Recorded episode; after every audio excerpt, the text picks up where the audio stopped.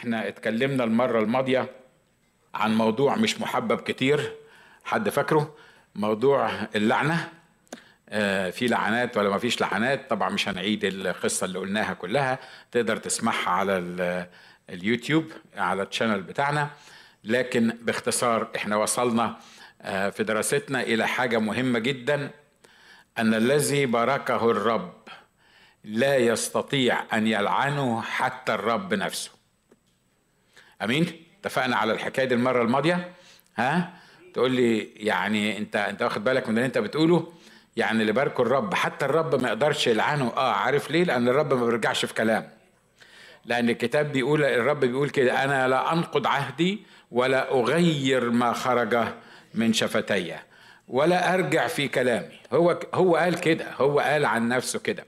فلو بارك حد هو نفسه ما يقدرش يرجع يلعنه. ليه؟ لأنه مبارك. وسقنا أمثلة كتيرة على الموضوع ده. وقلنا إنه حتى شعب إسرائيل شعب إسرائيل هو المعاند شعب إسرائيل اللي كان يستاهل الدق على دماغه. شعب إسرائيل اللي كان يستاهل اللي ربنا نفسه قال لهم تعبتوني. أنا ذبايحكم واللي بتعملوه قرفت منه.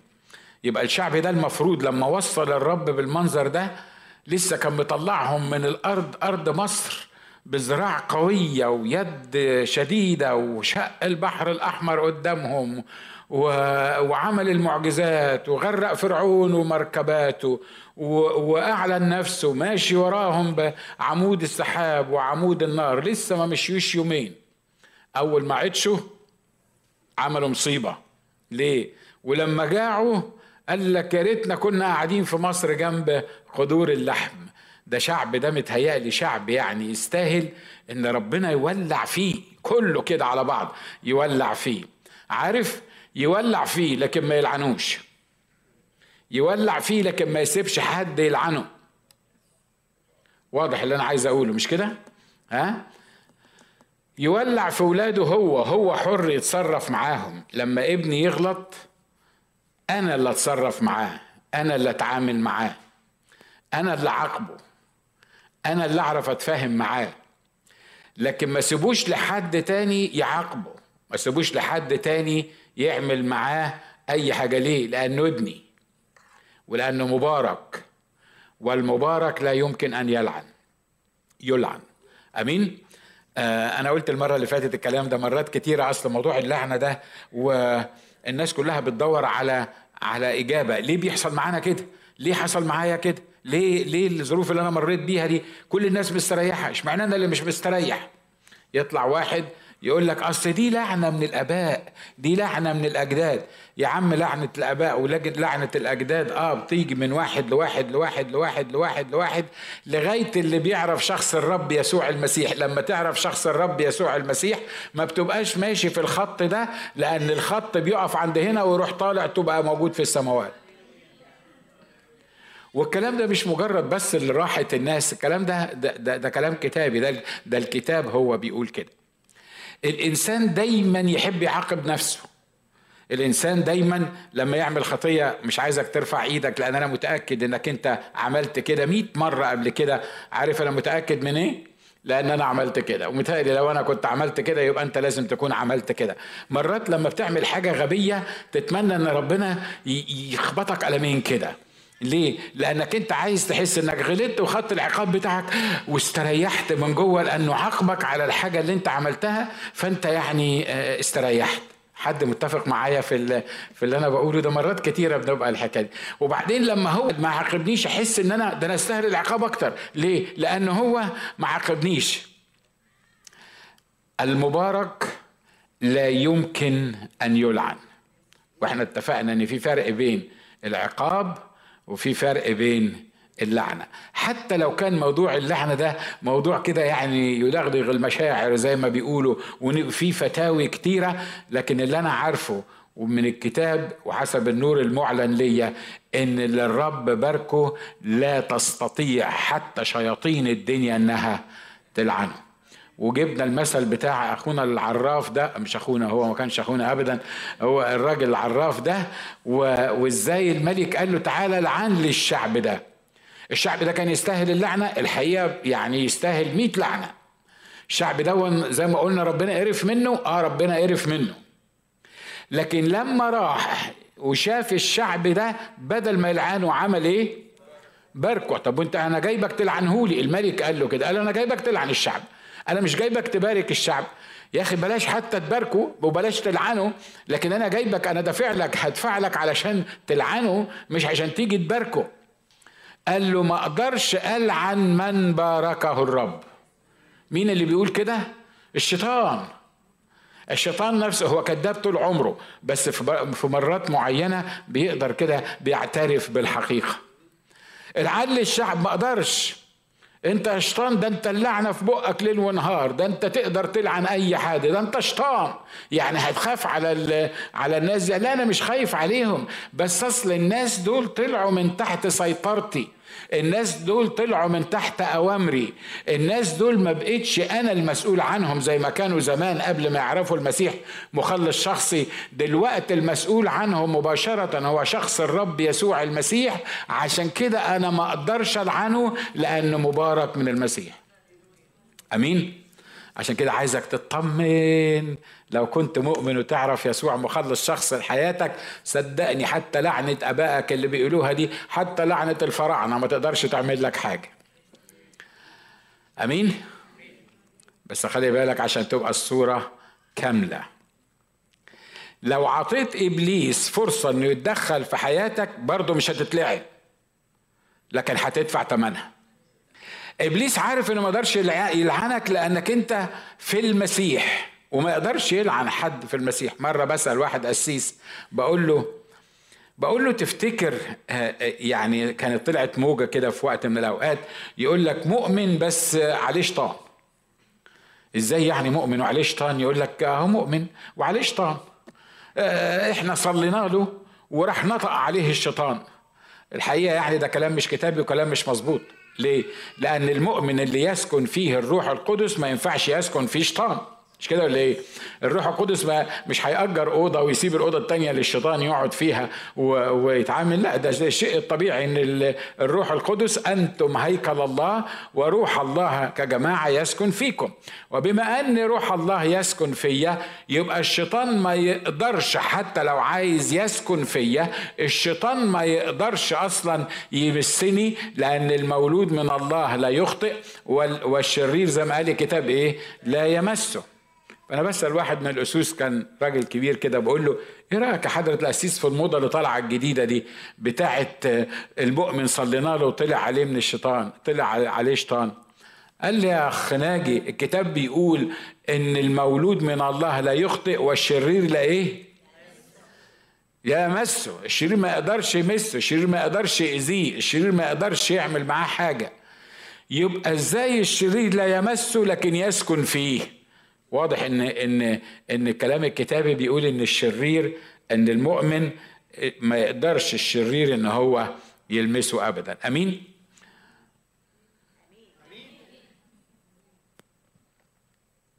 متهيألي الحقائق دي مش هتخليك تقعد مكتف ابدا. الحقائق دي هتخليك تقعد تقول أمين وتقعد تجمز زي ما أنت بتقول تتنطط يعني بال بال بالمصري. ليه؟ لأنك لأنك محفوظ.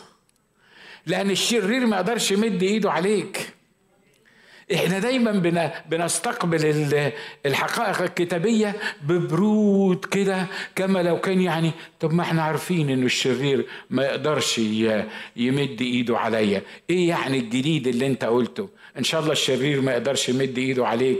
وما عشان عشان ما تعرفش قد إيه الحماية اللي أنت فيها في شخص الرب يسوع المسيح. على فكرة أنا وأنتم مش محميين لأن إحنا دمنا خفيف ولا لأن إحنا مؤمنين ولا لأن إحنا يعني بنصلي وبنيجي الكنيسة. إحنا محميين لأن الإله القادر على كل شيء بيسكن فينا فما فيش قوة من العدو تقدر تلمسنا. لما تعرف الحقائق دي تفتخر وتطمن وتحس إنك أنت فعلا في المكان الصحيح لأنك في شخص الرب يسوع المسيح. واللي بيجلب اللعنة number 1 الـ number 10 الـ number 100 اللي بيجلب اللعنة إنك ما تسمعش لوصايا الرب إلهك. إنك ما تعيش تحت وصايا الرب إلهك. تعيش في تأديب آه، جامد. بيقول واللعنة الكتاب بيتكلم في العهد القديم بيقول الكلام ده. اللعنة إذا لم تسمعوا لوصايا الرب إلهكم وزغتم عن الطريقة التي أنا أوصيكم بها اليوم لتذهبوا وراء آلهة أخرى لم تعرفوها. خلي بالك اللعنة ما تنفعش للمؤمن ما ينفعش المؤمن يتلعن لكن اللي زي ما قلنا المرة اللي فاتت يتعاقب. أمين؟ وفي فرق بين العقاب وفي فرق بين إيه؟ تقول لي هو ما هو ده بيكلم شعب إسرائيل بيقول لهم أهو اللعنة إن لم تسمعوا لوصايا الرب إلهكم وزغتم عن الطريق ورحتوا لآلهة أخرى. يعني في لعنة للناس دول بتوع شعب إسرائيل اللي هم عملوا كده. هو بيكلم مين دلوقتي؟ بيكلم ناس سابوا الله سابوا الإله الحي وراحوا ورا آلهة أخرى. دول مؤمنين ولا غير مؤمنين دول؟ حتى لو كانوا من شعب إسرائيل حتى لو كان لهم الوعود حتى لو كانوا من المسيحيين حتى لو كانوا بيكلموا كلداني برضه لغة المسيح. اللي ما يعرفش يسوع مخلص شخص لحياته ملعون وهيفضل ملعون لغاية ما يعرف شخص الرب يسوع مخلص لحياته بس في ساعتها ترتفع عنه اللعنة. أمين؟ والسؤال ليك وللي على الإنترنت واللي على التلفزيون واللي في الدنيا كلها. يا ترى انت لسه ملعون؟ يا ترى انت لسه تحت اللعنة؟ يا ترى عرفت يسوع مخلص شخص لحياتك ولا لأ؟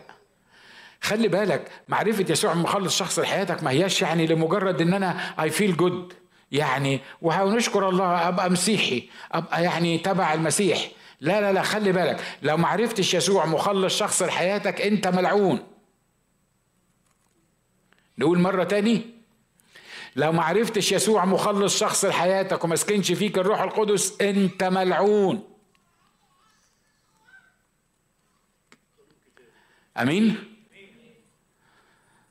أنا خايف لحسن نكون بنكلم اللي على التلفزيون والإنترنت ولسه في ملاعين موجودين قدامي النهارده. تبقى واقعة سودة. مش كده ولا إيه؟ ها؟ على فكرة التجديد ما هواش حاجة مجرد حاجة فن بس. انت من ضمن الباكج اللي بتاخدها من الرب ساعة ما تعرف يسوع مخلص شخص لحياتك إن تتشال اللعنة من حياتك وتاخد حصانة ضد اللعنة ما حدش يقدر يلعنك لا شرير ولا قوات شر ولا حد ابدا. أمين؟ عندي 700 قصة ممكن أحكيها لك نقعد لبكرة ونحكي في ال... لما الشيطان نفسه لما ش... أنا فاكر واحد من الأسوس الحلوين كان بيطلع شيطان من على من على بنت وكان أبوها موجود وعمها ومجموعة كبيرة و...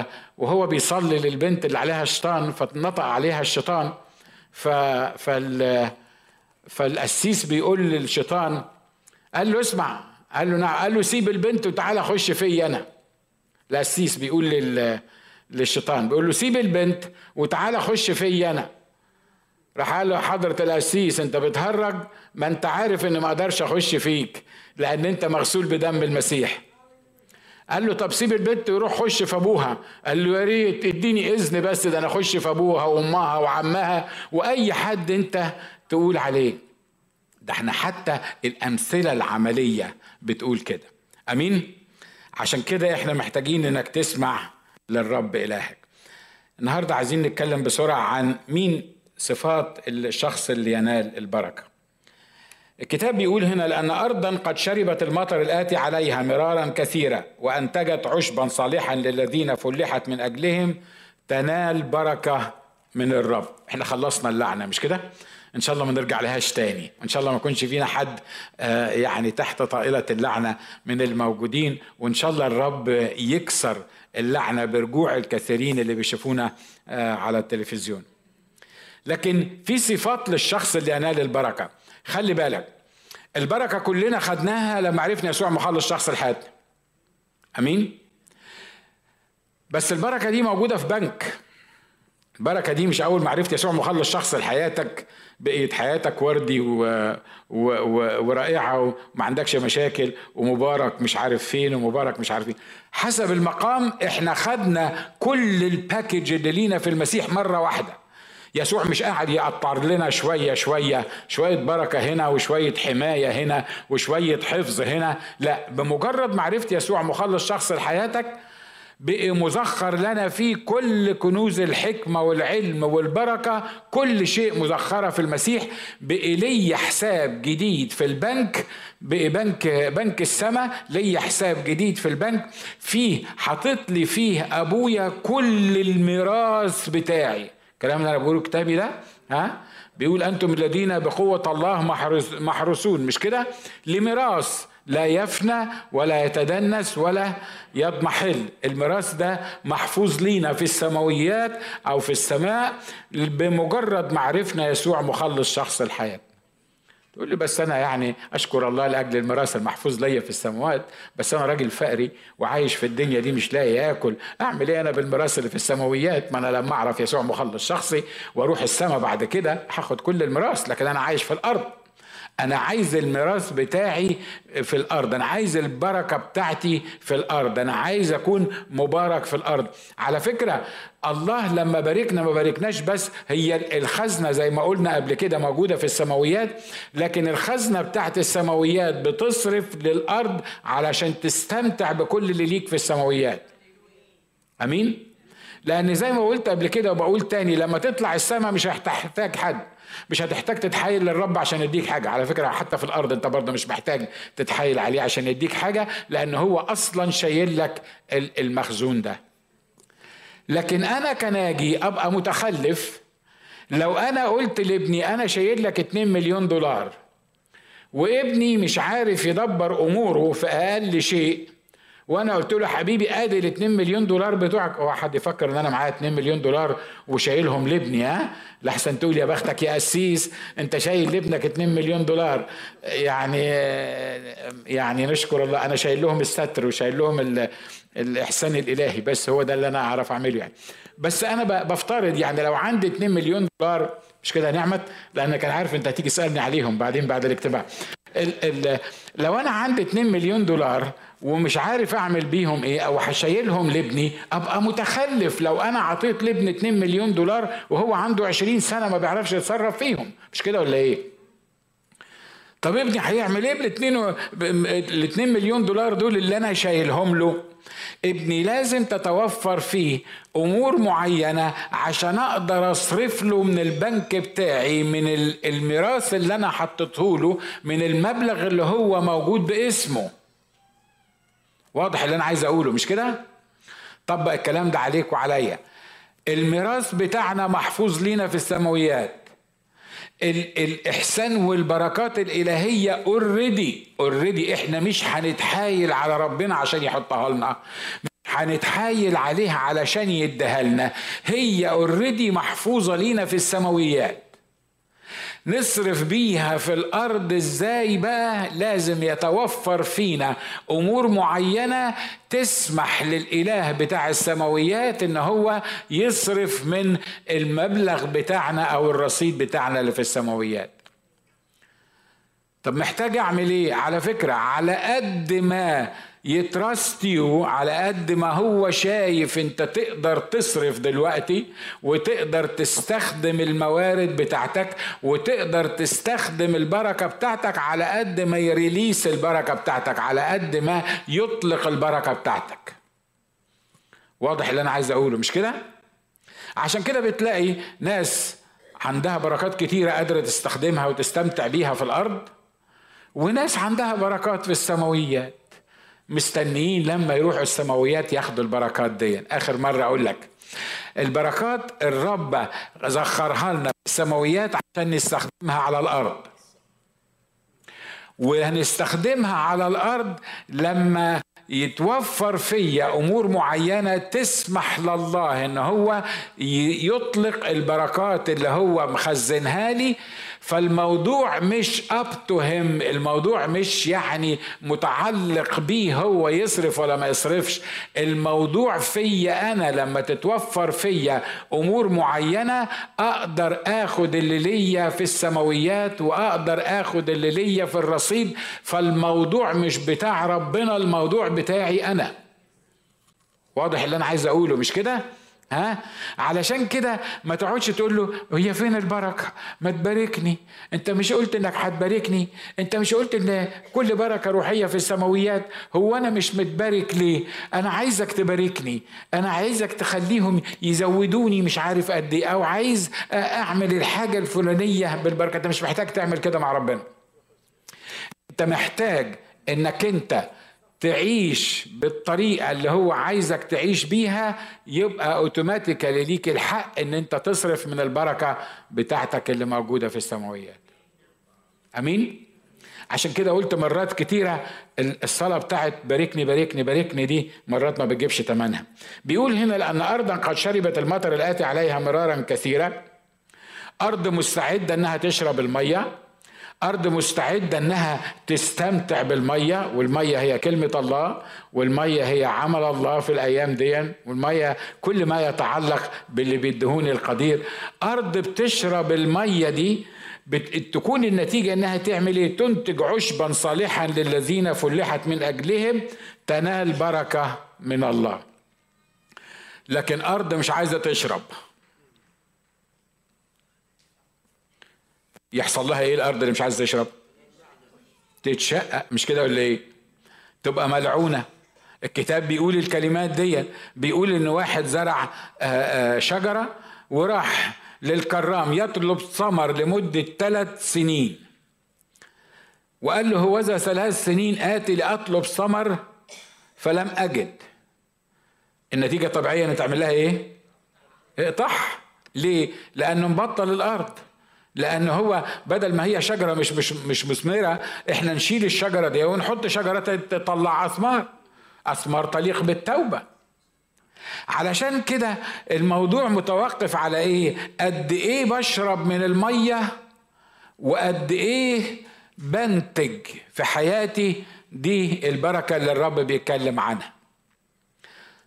تقول لي مية إيه بس؟ هي هي بكرة هتمطر. يعني أفتح بقي كده في بره ويعني مية إيه اللي أنت بت بتتكلم عنها؟ هنا بيتكلم عن الكتاب بيتكلم عن الوصايا الكتابية بيتكلم عن الأرض اللي, اللي المغمورة بالمية. وعلى فكرة الله عنده مطر كتير وعنده كلمة كتير وعنده عمل كتير بس محتاج إحنا إن إحنا نشرب. يسوع في الليلة العظيمة الأخيرة من العيد. قال الكلمات دي قال شافهم رايحين يملوا قسط ولا شيء من من من البحيرة وجايين وبيحتفلوا بالعيد معين قال لهم إيه؟ قال لهم إن عطش أحد مش المية اللي أنتوا بتجيبوها دي عمالين تجيبوا فيها وتروح. إن عطش أحد فليأتي إلي ويشرب. قال لهم كده عن الروح القدس اللي هو كان مزمع إن هو يتدفق منهم. لما راح عند السامرية مع انه هو اللي خالق المية وهو اللي يعرف يجيب المية حط نفسه قال لها اديني لأشرب. قلت له كيف تطلب مني وأنتم عارفين بقى القصة؟ انت راجل يهودي وأنا امرأة سامرية. قال لها لو كنت تعلمين من هو الذي يكلمك لطلبت أنت منه فأعطاك ماء. عشان كده هو عنده استعداد إن هو يدي المية ولما يدي المية لو أنت شجرة حقيقية وأنا شجرة حقيقية شجرة يعني صالحة للإله اللي, اللي فلحنا الشيء الطبيعي إنك تطلع ثمر مش كده ولا إيه؟ لأن الشجرة اللي مش هتطلع ثمر هتبقى مشكلة الشجره اللي ما تطلعش ثمر يعمل لها إيه؟ لما مشي تحت التينة ولقاها كلها ورق وشكلها رائع جدا وبعدين رايح ياخد فيها ثمر بغض النظر عن التفسير اللاهوتي بتاعها والأمة اللي مش عارف مين والقصة دي كلها. لكن إحنا بنتكلم في الجزئية دي. لما مشي تحت شجرة التين وما لقاش وما لقاش تين عمل إيه؟ قال لها لا يكن منك ثمر فيما بعد. طب ليه؟ ما تسيبها. تطلع تطلع ما تطلعش ما تطلعش. يعني انت لما ما هي ما فيهاش ثمر تلعنها كمان تخليها ما تطلعش ثمر. اصل خلي بالك ان ارض شربت المطر اللي نزل عليها كتير وما طلعتش ثمر هي تبقى ارض إيه؟ تبقى ارض ملعونة. حطت نفسها في اللعنة طلبت اللعنة لنفسها قبلت اللعنة على نفسها. وعلى فكرة لما تبقى ما تعرفش يسوع مخلص شخص لحياتك وتحضر اجتماع وتسمع آه، خدام بيقولوا لك سلم حياتك للمسيح وانت تطنش وسلم حياتك للمسيح وكأن هم بيكلموا الكراسي وسلم حياتك للمسيح وبعد شوية تفضل ما تسلمش حياتك للمسيح. كل ما تسمع الكلام ده ده عبارة عن مطرة نازلة على الأرض بتاعك. كل ما انت ما قبلتش المسيح تتقصى أكتر وفي الآخر خالص ما عرفش هتقدر تقبل المسيح ولا ما تقبلوش ليه. لأن أرض جه عليها مطر مرات كتيرة وما طلعتش ثمر وما اتغيرتش وما خضرتش تبقى ملعونة ما تنفعش إنها تطلع ثمر فيما بعد. آمين؟ ده مش بيتكلم على المؤمنين. ده مش بيتكلم على المؤمنين. ده بيتكلم عن الخطاء المصرين على عدم معرفتهم للرب يسوع المسيح. صفات من ينال البركة. الشخص يشرب المية. ليستوعب البركة. إحنا اتفقنا ان المطر بيجي من فوق والمطر آه بتشربه الأرض والمية دي اللي بتشربها الأرض. زي ما قلت من لحظات يا إما بتطلع ثمر يا إما بتقص الأرض. عشان كده النهارده بنصحك. كم مرة سمعت حد بيقول لك تعالى سلم حياتك للمسيح؟ كم مرة حضرت خدمة أو سمعت على التلفزيون أو اتقابلت مع واحد أو واتيفر الطريقة اللي, اللي سمعت فيها واحد بيقول لك سلم حياتك للمسيح. وأنت مصر على إنك ما تسلمش حياتك للمسيح. عايز أقول لك إن كل مرة بتسمع فيها كل مرة بتيجي المية وأنت بتقسي قلبك هيبقى صعب عليك إنك تعرف تسلم حياتك للمسيح مرة تاني. عشان كده بيقولوا إن أكبر عدد ممكن من اللي بيسلموا حياتهم للمسيح هم ال teenagers الصغيرين. مع إن يا أخي أكتر ناس المفروض ما يسلموش حياتهم للمسيح هم ال teenagers صح؟ ليه؟ لأن هم لسه العمر هم فاهمين إن لسه العمر طويل قدامهم ويعني عندهم إمكانيات كتيرة يعني هم المفروض. لكن في بعض الإحصائيات عملوها على الناس اللي بتسلم حياتها للمسيح. بيقول لك لو فات عليك سن ال 19 أو ال 20 بيبقى صعب جدا إنك تسلم حياتك للمسيح. خلي بالك عشان تبقى الصورة كاملة لحسن تكون بتسمعني على التلفزيون تقول لك إيه؟ ده أنا 22 يبقى فرصتي ضاعت.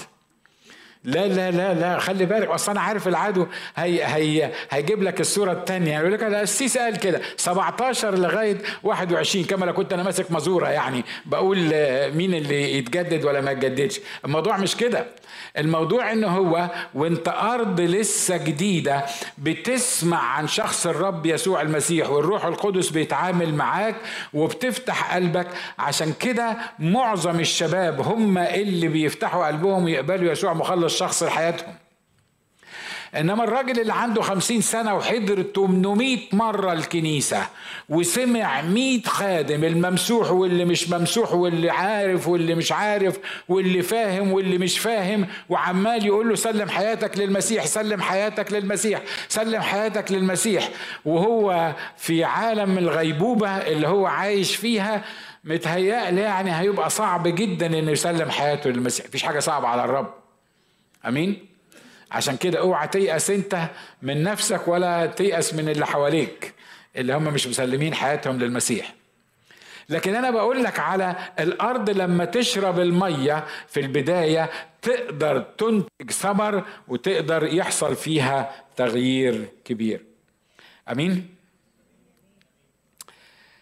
صفات من ينال البركة شخص منتج ثمر. بيقول لأن ارضا قد شربت المطر التي عليها مرارا كثيرة وعملت إيه؟ وأنتجت عشبا صالحا. عملت حاجة جابت نتيجة. الحاجة اللي بعد كده شخص يعرف أن الثمر للآخرين وليس للنفس. الشخص اللي ينال البركة يفهم إن الثمر بتاعه ده مش بتاعه هو. ده مش بتاعه. إيه رأيك؟ لو إحنا زارعين شجرة في الباك يارد بتاعنا زي شجرة رمان مثلا وطلعت ثمر. وجينا ناخد منها رمان فتحت بقها وقالت لا ما تاخدوش مني. ليه؟ لأن ده الثمر بتاعي. ده الرمان ده بتاعي أنا.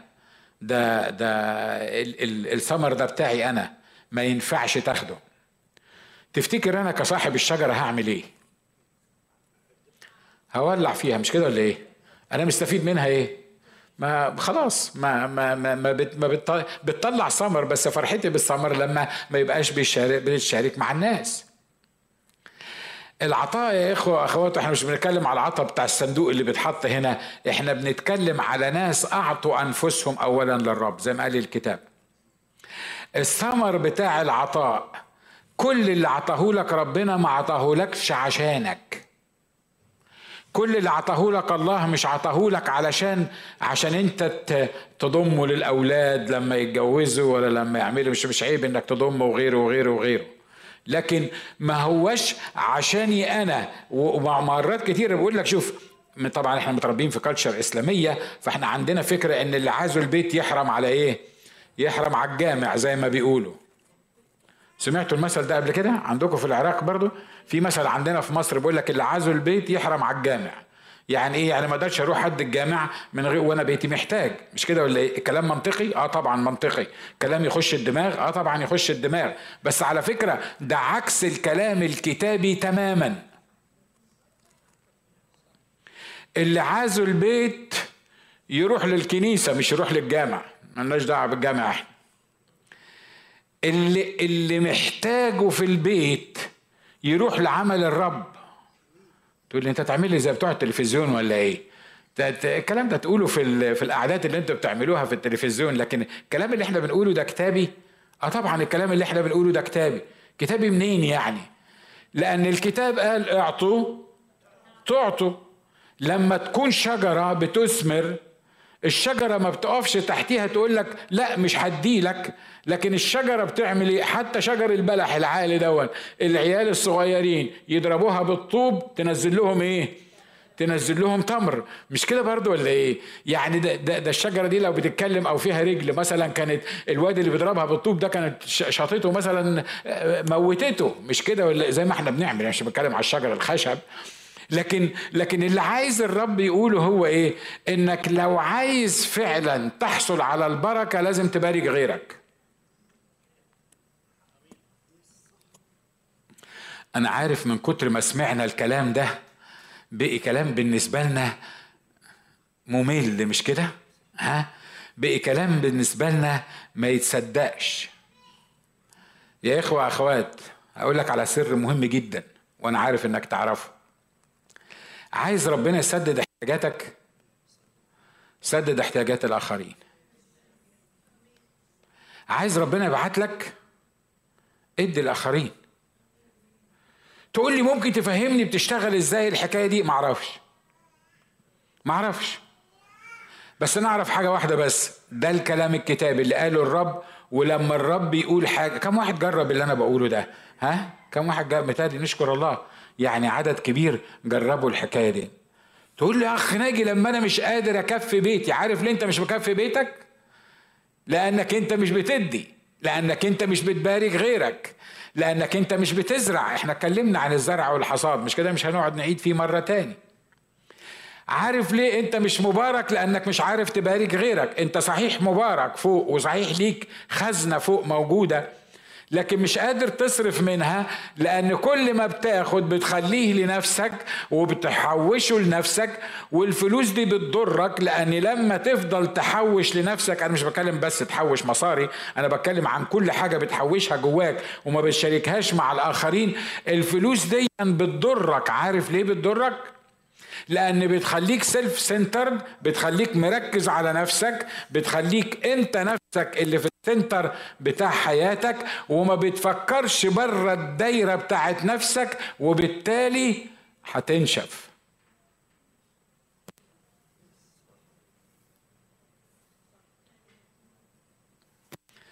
حد مقتنع باللي أنا بقوله ده؟ ما ترفعوا ايديكم إيه؟ هو في إيه؟ مش كده برضه أيوه شفت؟ رفع ايديه الاثنين اعمل كده.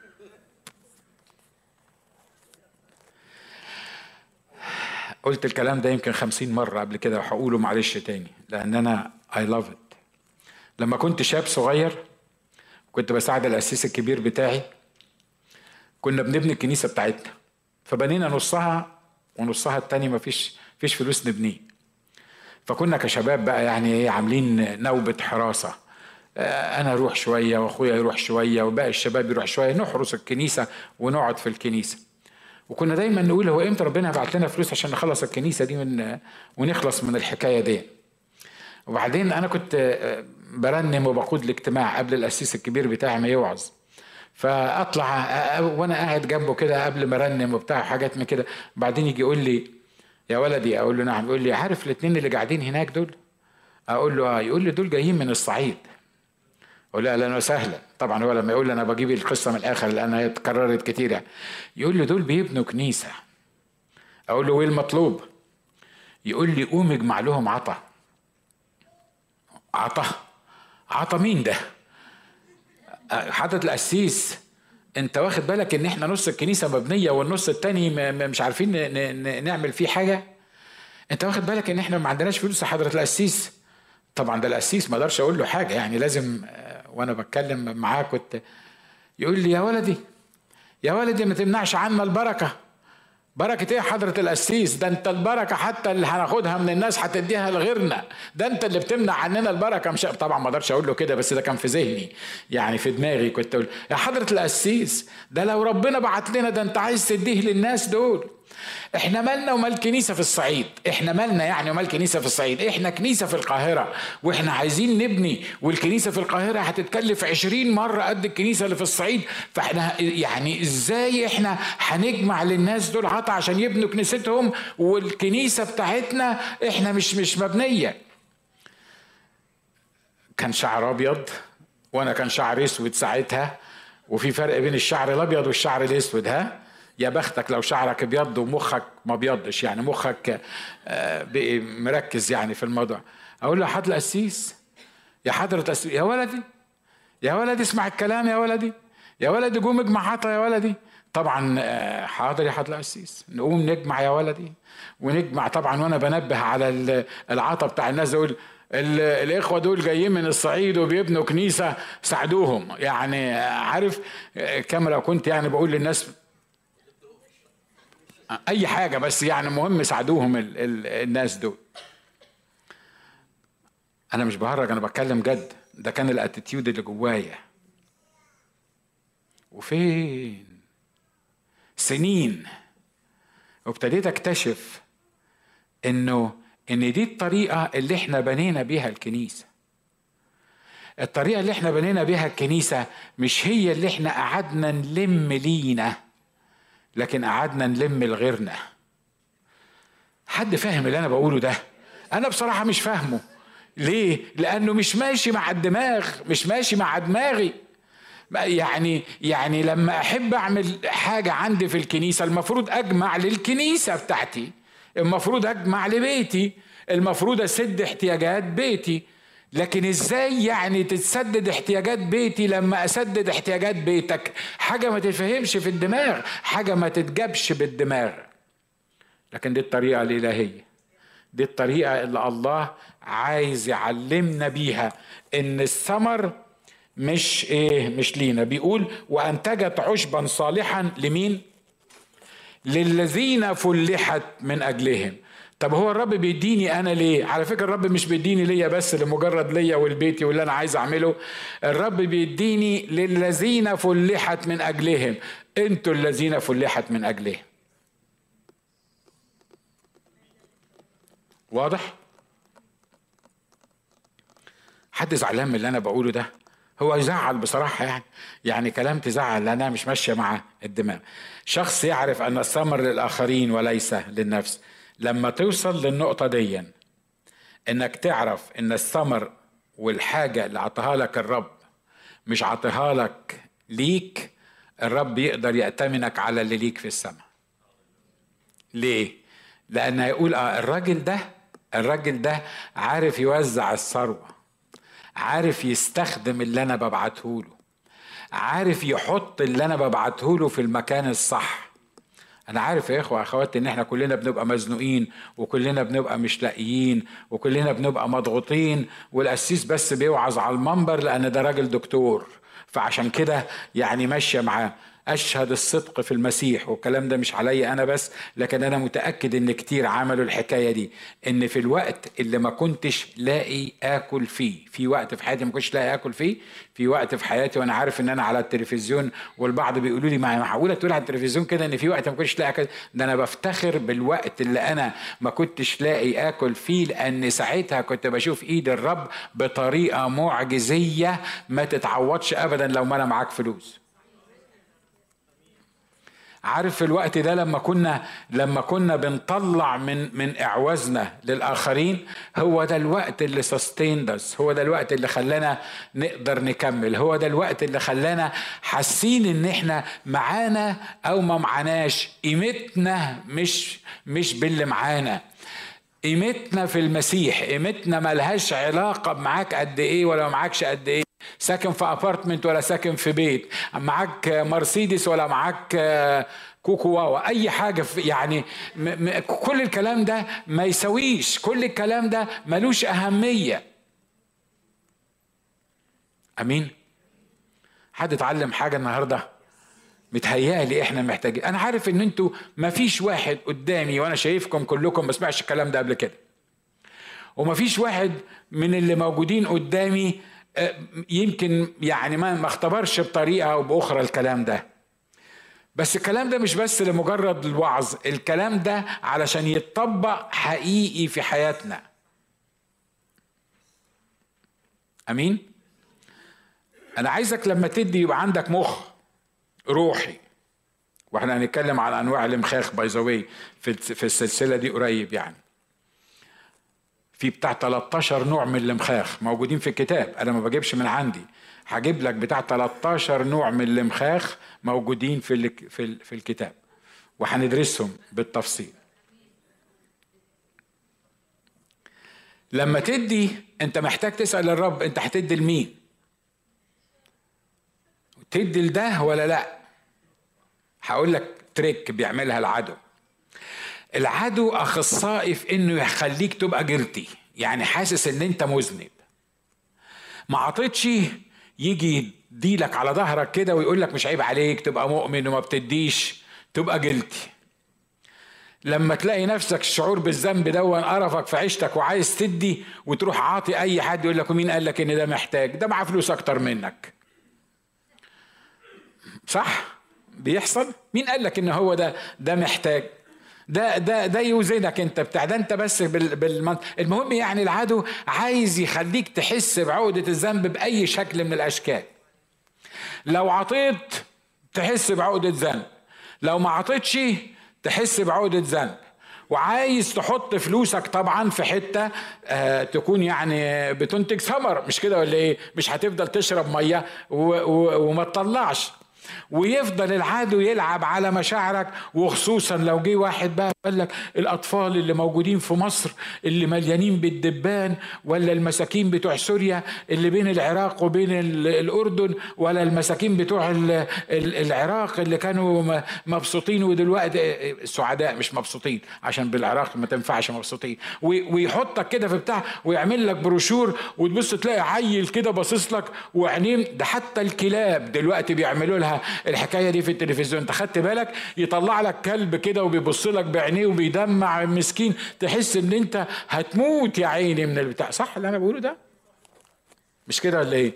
حتى في الكنيسة بنعمل كده. حتى الكنيسة بتعمل كده. ويحط لك شكل عيال بالمنظر ده وخطية العيال دول موجودين. طبعا أنت الخطية دي وال... وال... والعيال اللي هم اللي مليانين دبان دول يخلوك تعمل إيه؟ يخلوك تدفع. وبعد ما تدفع يقول لك أنت عارف الفلوس بتاعتك اللي أنت دفعتها دي؟ ده خدها فلان. دي ما وصلتش للعيال اللي هم محتاجين. المهم إن هو يعمل إيه؟ يعقدك في عيشتك. أنا خلصت عند الحتة دي. أنت محتاج حاجة واحدة. إنك تسأل الرب وتاخد من الرب فين تو انفست حتى لو عندك عشرة دولار. أنا مش بتكلم على حد يعني عنده فلوس كتيرة. حتى لو ما عندكش. أنت محتاج تسأل الرب. المبدأ بتاع العطاء ما فيهوش فصال. الكل لازم يطبق عليه. لكن تدي فين؟ وتدي لمين؟ وتدي إمتى؟ وتدي إزاي؟ انت محتاج يبقى لك علاقة باللي فوق علشان تقدر تزرع في الأرض الصح. أمين؟ لأنك لو ما زرعتش في الأرض الصح مش هتحصد صح. مش كده ولا إيه؟ مش هتحصد خالص. لو زرعت بالعواطف نشكر الله من أجل العواطف. لكن المؤمنين مش مدعوين إن هم يزرعوا بالعواطف. المؤمنين لازم يبقى عندهم الفكر الذي في المسيح يسوع. اللي يعرفوا فين يحطوا الفلوس بتاعتهم. وعلى فكرة الفلوس اللي اللي معاك دي زي ما قلنا إنها مش بتاعتك وإنت اللي مسؤول عنها. آمين؟ والمكان اللي تحطه فيه إنت اللي هتحصد منه أو ما تحصدش. أقول لك شوية هنس كده بسرعة. أنا أنا بطبقهم على حياتي. واحدة فيهم المكان اللي فيه ربح نفوس هو اللي يستاهل إنك تزرع فيه. عارف ليه؟ لأن نفوس النفس لا تقدر بال... بالأموال كلها. أنا بتكلم عن ربح حقيقي في النفوس. عارف فين تقدر تزرع؟ أنا بدي لك أمثلة بس أنت محتاج برضو تسأل الرب. عارف فين المكان اللي تقدر تزرع فيه؟ المكان اللي يوصل للخطاة عشان يتكلم عن يسوع المسيح هو ده المكان اللي انت محتاج تزرع فيه. عارف فين المكان اللي تزرع فيه؟ المكان اللي ياخد ابنك الشرير في مؤتمر أو في لقاء ويتكلم معاه عن يسوع ويبدل حياته هو ده المكان اللي انت محتاج تزرع فيه. عارف فين المكان اللي تزرع فيه؟ الكنيسة اللي ما ما, ما تفكرش في معاها قد إيه في الحساب أو ما فيش حاجة توقفها عن عمل الرب لأن ما فيهاش فلوس هي دي الكنيسة اللي تزرع فيها. أمين؟ أنا بديك جنرال يعني حاجة حاجة عامة تقدر تفكر فيها.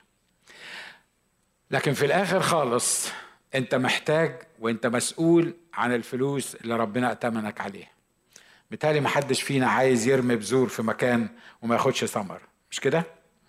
أنا عارف أنت تقول لي أنا بدفع بس مش عشان مش فارق معايا الثمر ولا مش عشان آخد ثمر ولا ولا غيره. أنا بدفع آه، هد الرب. مع متشكرين كتر خيرك. لكن على فكرة الرب يعني لما أنت بتدفع له برضه هو بيبارك وبيديك ثمر حقيقي وبيخلي الثمر ينتج في حياتك. آمين؟ أنت محتاج تتعلم إنك تبقى أرض مثمرة. ممكن تبص اللي جنبك كده قول له أنا عايزك تبقى أرض مثمرة.